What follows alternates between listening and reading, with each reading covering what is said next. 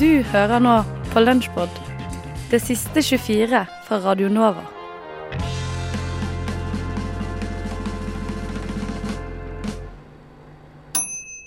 Du som er sliten og sinna og lei.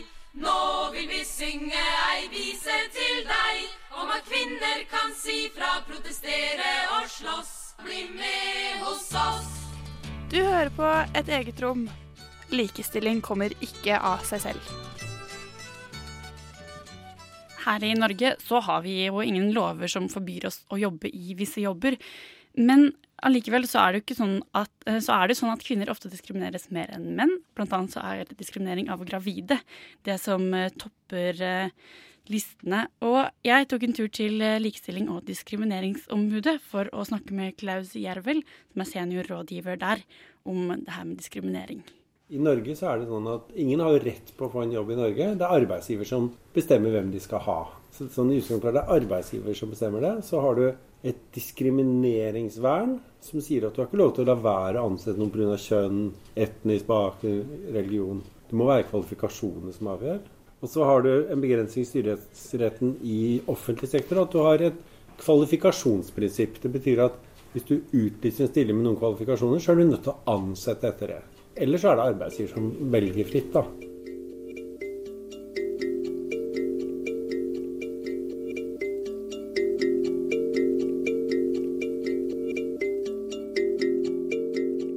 Men når man skal sette grenser for hva som er diskriminering, da, jeg ser for meg at det er øh, veldig vanskelig. Det er, veldig, det er jo lovverk, da. Altså hvis du snakker sånn Loven, så er loven sier at hvis du blir så utsatt for en usaklig forskjellsbehandling pga. kjønnet ditt eller religion og sånn, så er det diskriminering. Så du må liksom da finne ut om det er saklig grunn eller ikke. Eh, Og det betyr at eh, vi har jo holdt på med dette en stund, så vi har jo en del avgjørelser.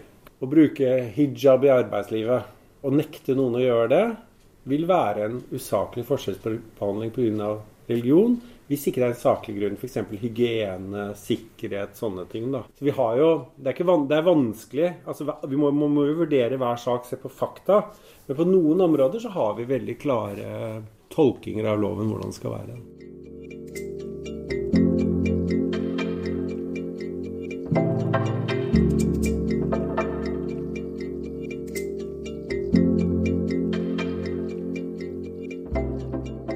Arbeidslivet er det to områder vi får mest klager på. Det ene er rekruttering.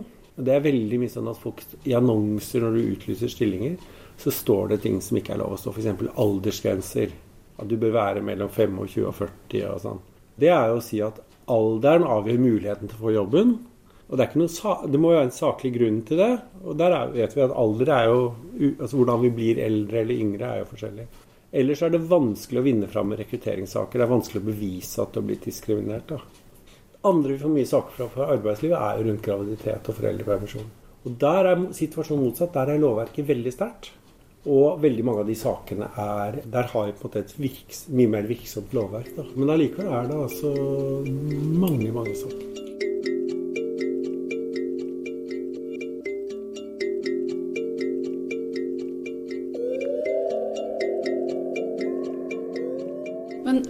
Rettigheter har man da, hvis man blir diskriminert? Er det sånn at det rettes en pekefinger mot jobben din, og så kommer du tilbake som vanlig, eller? Ja, og det er jo et godt spørsmål, fordi det er jo forbudt å diskriminere noen. Men hvis det er sånn at saken kommer til oss Vi, en, vi, har, vi skal ha en sånn nøytral juridisk behandling, så vi skal føre kontra- kontradiksjonsprinsippet, altså at vi skal høre begge sider, og det tar lang tid. Hvis du får medhold hos oss, så får du bare et medhold og sier at vi sier at, gir en uttalelse om at du har blitt diskriminert. Da kan jo arbeidsgiveren din klage saken videre til nemnda som er overordnet oss. Og så kan de komme med en avgjørelse. Men du får heller ikke noe erstatning hvis du har blitt diskriminert. Da må du ta den til retten. Dette er jo noe vi har vært opptatt av, og som det kan bli en endring på nå. At man faktisk nemnda får sanksjonsmuligheter og- kan pålegge erstatning. da, Og bøtelegger og sånn. Så det er, jo, det er vi veldig for. Men det viktigste er kanskje at vårt budskap er jo at vi må jobbe for at arbeidsgivere får mye mer kunnskap om diskriminering og unngår å diskriminere. For diskriminering er veldig negativt for alle involverte. Altså det er, eh, de sakene er liksom litt sånn Det er ikke noe gøy for noen involverte. Og det andre er at vi også ønsker å lære av fagforeninger og tillitsvalgte om eh, å kunne ta sånne saker. For da kan du løse det før de går for langt. Og da kan, du, da kan jo man få rettighetene uten at det blir sånne saker. da. For det hjelper jo veldig lite at du får beskjed om at du skulle hatt den jobben hvis du ikke får den. Ellers må jeg si da bare at der hvor det har tatt i retten, så er det ganske store erstatningssummer i, i uh, diskrimineringssaker. Så det er jo Vi vil jo anbefale at folk tar det til retten hvis de har fått medhold, men uh, det kan ikke vi blande oss i.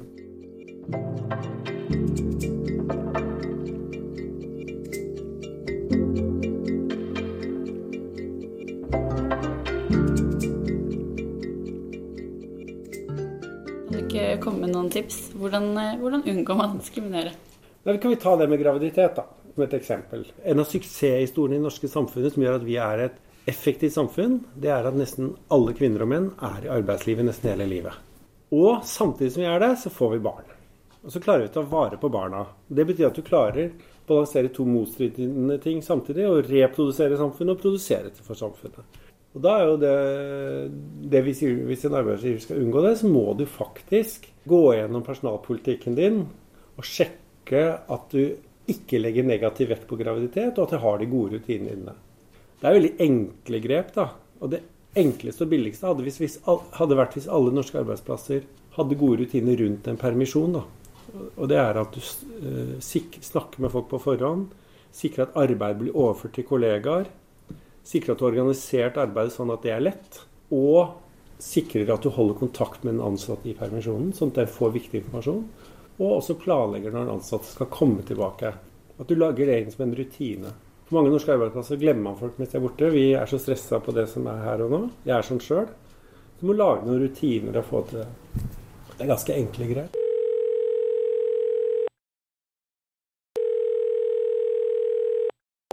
Hello? Hei, eh, hei. Uh, hello? Brødre. Er Sorry? Brødre, ørve, ørve, brødre. Pardon? Hva? I don't understand what you're er saying. Brødre, ørve, brødre, ørve, brødre. Uh, I don't er understand a word you're Nei, saying. brødre, ørve. Nei, nei. Du, det er brødre. Du want to luckish, mate? Jeg snakker ikke norsk on Radio Nova. Welcome back to Snackarika Norsk, and our topic today is fat diets. You just heard uh, Food in the Belly by Xavier Rudd. So we keep our songs uh, within the theme. Um, we wanted to talk more about uh, diets that kind of have ri- arisen in um, last years and became really, really popular, like the paleo diet, paleo diet. I'm not sure The how. paleo diet. Paleo, yeah, I'm, Yeah. if I'm How, pronouncing how does it that right. work? I, So you literally just eat um, everything. Uh, you have the diet of a, of a caveman. Yeah, it's a, it's an old school diet where it's very like, very old school. So you believe that the the human body is supposed to d- digest um, only things that you kind of find Whole in the foods. forests and you uh, that you actually hunt. So it can be berries, fish, even raw meat, oh, and uh, game as well, I guess. Pardon? a game. So if you hunt down your own food, you can have it. So it's I think it's I think it's like paleo is more like whole food versus processed food where you stay away from processed like uh, breads and uh, Yeah. things like that, right? Homogenized products. Yes, it does. And um, actually, um, it doesn't mean that you actually cannot do anything with the meat that you have, but it will sometimes also include raw meat, not just um, grilled or whatever. All right, so th- to that extent, of Even to that pr- extent. I mean, some people actually take it to that far, and those fanatics even. Um, run everywhere it's just like a really it's not just a diet it's a complete lifestyle Yeah. so even though they live uh, in a city they don't use any transportation just run everywhere and Oh. and eat eat and there are like also uh, like, various communicate food by- stores and restaurants that actually kind of uh, can provide uh, these special um, groceries that they can they can eat. do they make monkey noises when they want to make a point? Yeah, I think they would probably enjoy it. I'm not sure. I was I was imagining them just like painting on the walls and being like, guys, this is what we're gonna do this day. And, uh, Yeah, and it even can include uh, eating uh, meat um, raw, but already that is kind of bad and has yeah Like rotten, like jer- beef jerky. R- kind of rotten, like really God. smelly. Because imagine cavemen, they sometimes didn't have enough Savages. um, I don't know, means to kind of process the meat. So it would, but the meat is really, um, uh, is not um, the biggest part of the diet. It's mostly fruit, vegetables, berries, and um, anything yeah, you so can you- pick uh, along your way when you go through, I don't know, um, a forest or Okay, uh, just the forest, not a like meadow. trash or anything. Like you can't go through. Like, all right, yeah. All right. Uh, well, that's a, that's a that's a very popular diet, and uh, there's there's a lot of different even in that uh, world. Like, there's so many different fragments of opinions. Where'd he come from? He doesn't remember. He's like a little kid. Little, yeah. I animasjonsfilmen 'Gutten og jernkjempen' fra 1999 skal vi tilbake til 60-tallet. Vi møter niåringen Hogarth, som bor aleine med mora si i utkanten av en småby. Hogarth er ensom og venneløs, og mora hans jobber doble skift for å få det til å gå rundt. Da han en dag bevitner krasjlandingen til en svær utenomjordisk robot, reagerer ikke Hogarth med frykt og avsky. Han har fått en venn. Han får også uventa hjelp fra Beatnik ved navn Dean. Og sammen allierer de seg mot det paranoide militærvesenet og FBI, som tror det er russerne som har sendt et masseødeleggelsesvåpen som en brikke i kald krig-spillet. Thank you. Please wait as your operating system is initiated. Hello, I'm here. Hi. Hi, I'm Samantha. Good morning, Theodore. Good morning. You have a meeting in five minutes. Hva skjer når du blir forelska i operativsystemet ditt?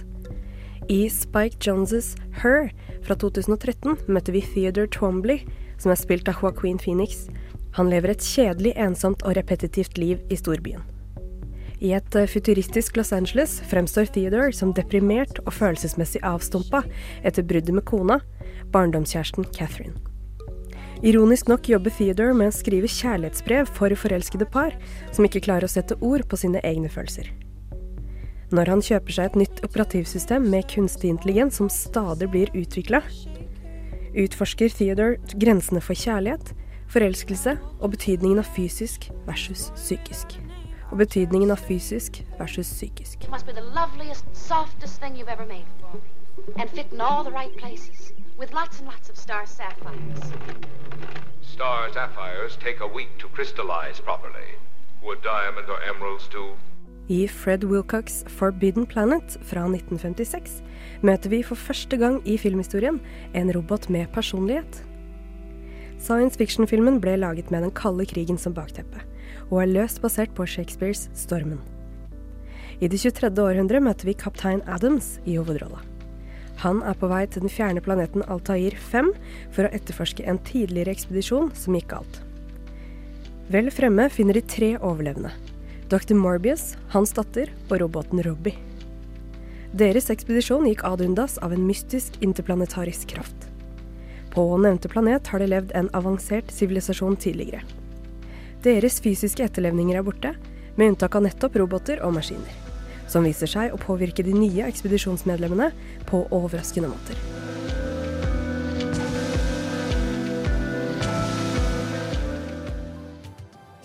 Hva er din favorittkost? Frokost.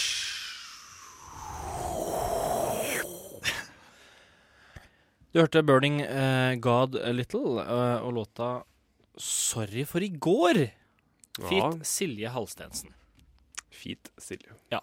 Klokka den er blitt eh, fem på åtte. Du hører på frokost på Radio Nova. Det har vært litt dårlig til å minne folk på. Jeg har fått tilbakemelding om det uh, tidligere eh, i livet, at jeg burde si hvor mye klokka er. Ja, ok. Så generelt? Ja, generelt. Sånn, Alltid. Sitte og prate med en eh, fyr i en time, og så Hvorfor har du ikke sagt så mye kaffe er? og hvordan er?» Ikke en eneste gang. Nå, liksom bare, nå må jeg ta opp klokka og kikke på den sjøl. Det er helt håpløst. Eh, I hvert fall så er klokka blitt fem på åtte. Og du hører på frokost på Radio Nova. Og der har du sagt det to ganger i løpet av Takk, Knut. Det er sterkt. Takk for det. Ta et skikkelig skippertak. Det her er som eh, Det er litt sånn dårlig fotballdømming når du kompenserer. Du ga et billig straffespark, og så må du gi et billig straffespark til motstanderen. Godt eksempel. Eh, kompenserer. Eh, jeg skal snakke litt om eh, spagettikjørkja. Ja, eh, spagettikjørkja. Eh, det har seg sånn at det, er en, eh, det var en komiker for eh, en del år siden som satte seg og skulle ta passfoto og tok på seg en sil på hodet. Har du hørt om det? Eh, ja, altså jeg har, Det har jeg hørt det navnet du, du sa. Ja, ok. Ja, for at det, dette omhandler jo da The Flying Spaghetti Monster. Uh, the Church of the Flying Spaghetti Monster. Ja, det, sånn- det, det ringer jo ei bitte, bitte lita sånn bjelle. Ja, er litt av tingeling. Og uh, tingen er det at dette her er jo egentlig bare en parodi på, uh, på andre religioner. Bare Ja. for å vise hvor, liksom, hvor teit det her er og sånne ting. Så han uh, satte seg ned og skulle ta postfoto med en sil på hodet, og mente at det er greit, for det er han Fordi The, the Church of the Flying Spaghetti Monster er hans religion. Ja, fordi hvis du er, er, er turbanist, så har du lov å ha på deg turban. Mm, Eller sikh, da. Så det er eh, rett og slett et religiøst hodeplagg, denne silen. Det er akkurat det det er, og det er jo det er lov å ha på passfoto. Og, og nå har det kommet øh, I, Nor så i, I Norge òg? Eller bare USA? Eh, jeg også. tror det er sånn generelt. Altså Passfoto skal jo liksom Hvis du har pass, så skal det rundt i alle land og godkjennes overalt. Ja, men så da har USA For jeg regner med at det her kommer fra Amerika? Eh, det tror jeg. Ja. Eller så er det Irland eller noe sånt. Rare greier. Fordi jeg regner med at det da har på en måte det landet, da, uansett uavhengig av hvilket land det er, så har den bestemt for alle andre land i hele verden at det, du må godta spagettibolle som uh, Ja. hodeplagg. Eh, mer eller mindre. Eh, det vil jeg nesten tro. Altså, Er da ikke må det litt Det, det Da syns du Det er så rart. Da, da setter Altså- du under foten for andre, ja. Ja, da føler jeg du kanskje biter over litt mer enn du har eh, rett til. Men kanskje han faktisk tror på dette For guden hans er et flyvende spagettimonster, da. Det som er kjedelig, da, er jo at du alltid må ha med deg den spagettibollen når du skal ut på tur. For du må det. Jeg, jeg regner jo med det. Nei, jeg vet ikke. Altså, Jo. er disse jødene med de små topphattene altså- her Kalottene, de, ja. De har vel ikke alltid de Hvis med? den hodeplagget, det religiøse hodeplagget er så forbanna viktig for deg at du må ha det på på passfotoet, så må du jo ha med deg det hodeplagget når du er på tur. Da må du jo gå hele veien, føler jeg. Ja, må du, du kan, ikke, du kan ikke få i pose og sekk her. Men må han ta det av seg når han skal gjennom sikkerhetskontrollen? Ja, for det er jo metall. Ja, det er metall, er det ikke det? Ja, det regner jeg med. Kanskje det står et eller annet i, i skriften Ja, om at eh, metal. Men, men hvis det Du skal aldri ta av deg spagettibollen med mindre det er i sikkerhetskontroll. det eneste det er greit. Står det i The Flying Spaghetti Monster-bibelen. Det er et av, et av en ti buda. Ja. Men eh, grunnen til at jeg tar det opp, er jo nå for at eh, de har hatt sitt første lovlige bryllup. Ja. Og det er jo litt morsomt, da. Må de ha på spagettibolle da? Jeg tror de hadde, hadde på det, faktisk. Og tingen er det at de tror at uh, dette uh, originator fra at alle er pirater. Og det er faktisk Ja, noe som ok. eh, de mener, da. Og da feirer da, De gifta seg på en båt, for de Ja. er jo pirater. Og Ja, de gifta seg i piratklær. Så jeg venter egentlig på at noen ekstremister kommer og dreper dem. Skal helt ærlig. Du venter på det, ja? Jeg venter litt på det. De lever litt sånn on the edge. Det er sånn, de erter jo og liksom eh, Her snakker vi jo heftig liksom Du er ikke redd for at spagettibollefolket skal bli ekstremister, da? Kommer et korstog fra Eller et eh, spagettitog fra spagetti, begynner, plutselig er det spagettiterror uh, i, i Paris. Uh, kaster uh, en som sprenger, en kjele, Sånn, sprenger en kjele med spagetti og kjøttboller. Det blir tomatsaus på alle. Noe sånn ukokt spagetti. Hvis du spikker den, så kan den sikkert bli veldig skarp. Går rundt og så stabber og skjenker folk blir, med spagetti. Ja. du har, I stedet for sånne her, små metall, skarpe metallting i bomba di, så har du, har du spikka spagetti. Splinter og ja. Sånn granat er, med masse små ukokt spagetti. Og så plutselig blir spagetti ulovlig, og så får man ikke kjøpt det mer fordi at det ble bare brukt i terror. Og, nei, eh, vet du hva? Jeg skal drepe The Church of Hva var det de het her? The, the, the Church of the Flying Spaghetti Monster. Jeg skal drepe alle medlemmene der.